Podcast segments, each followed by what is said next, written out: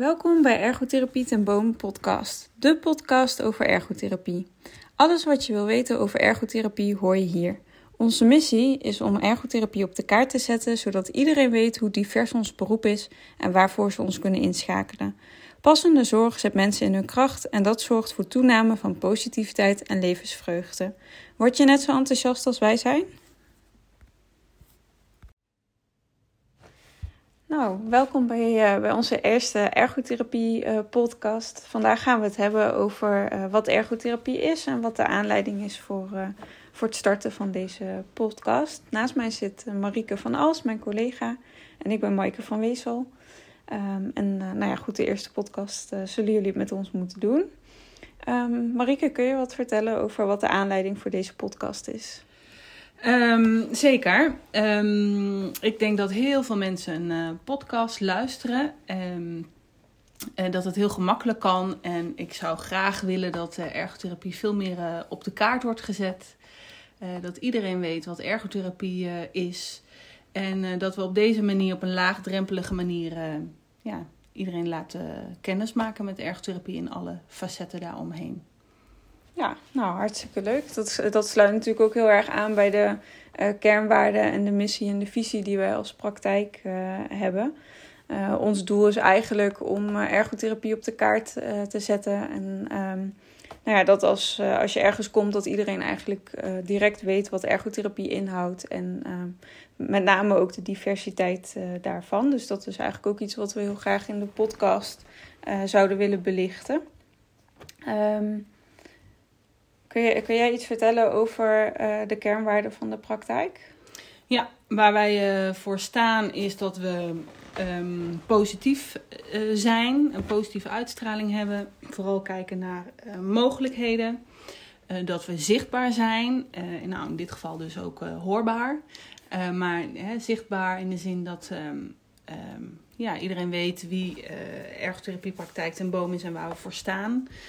dat we benaderbaar zijn uh, laagdrempelig um, uh, voor vragen. En hè, ook met deze podcast is de bedoeling dat mensen daar nog laagdrempeliger uh, naar ergotherapie komen. Hè, naar welke ergotherapiepraktijk dan ook. En professioneel. Um, dus inhoud, kwaliteit. Ja, ja dat zijn onze kernwaarden. Ja, precies. Ja. ja. ja. Nou ja, goed. Ik denk dat dat, dat al een hele mooie basis is uh, om vanuit te beginnen.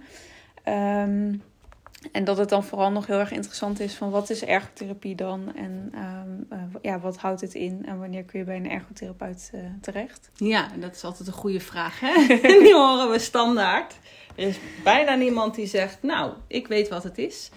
Hoewel tegenwoordig uh, wel wat meer. Um, het is altijd de vraag, hè, kan je een goede pitch geven over ergotherapie?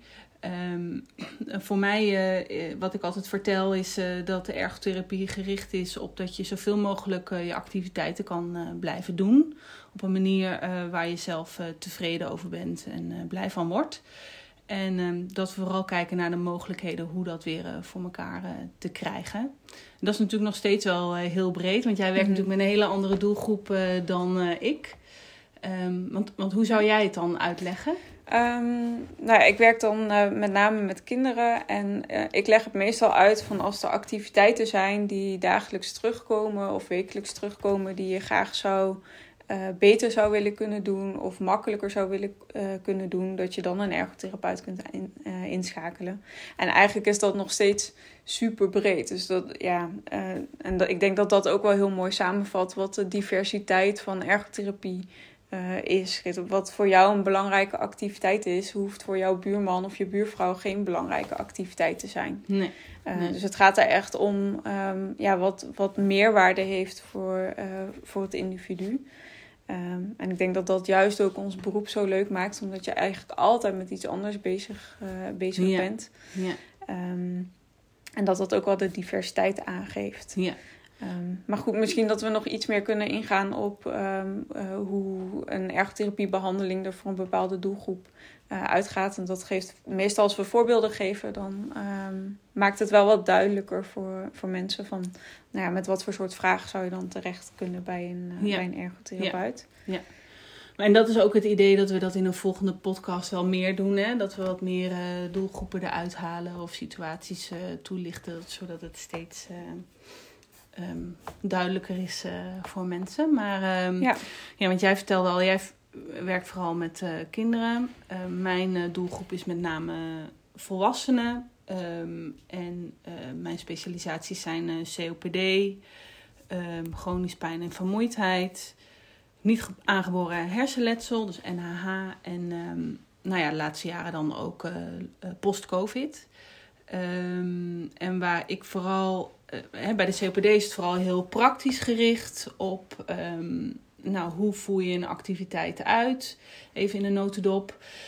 Dat we meekijken hoe zijn de houdingen, hoe is de omgeving en hoe kan je met zo min mogelijk energie eigenlijk zoveel mogelijk doen. Hoe kan je je omgeving aanpassen of je houding aanpassen dat het jezelf zo min mogelijk energie kost.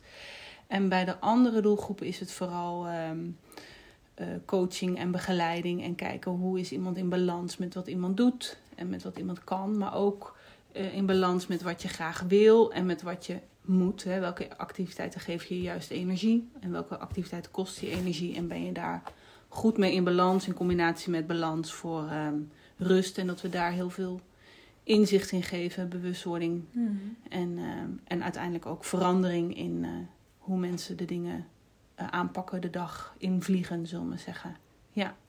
Ja, dus met de ene doelgroep ben je eigenlijk heel praktisch bezig en echt met de activiteiten. Met de andere doelgroep ben je wat meer cognitief bezig, wat meer mentaal. Van oké, uh, hoe pak je bepaalde dingen aan en hoe kun je handig, ja, uh, handig plannen. Ja, ja. gedragsverandering. Dat valt het mooi samen, denk ik inderdaad. Ja. ja, ik denk dat dat bij de kinderen eigenlijk ook wel zo is. Dat we hebben een groep met de prikkelverwerking waar je eigenlijk heel erg bezig met, met bewustwording en gedragsverandering. Wat is handig, wat is niet handig? Uh, hoe kun je goed reguleren?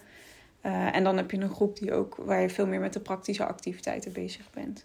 Dus ik denk dat daar wel een mooie tweedeling zit eigenlijk in de ergotherapie. Ja, ja. ja. en het is leuk om daar een volgende keer misschien uh, nog wat dieper op in te gaan. Van, uh, ook op de kinderen. Ja. wat doe je dan precies, zeg maar? Of ja, praktische ja. voorbeelden te geven. Ja, hoe ziet een behandeling eruit? wat voor soort vragen, waar kun je aan denken? Ja, precies. ja. Hebben we dan nog iets besproken, of iets nog niet besproken, wat wel belangrijk is om een beeld te geven over, uh, over de ergotherapie?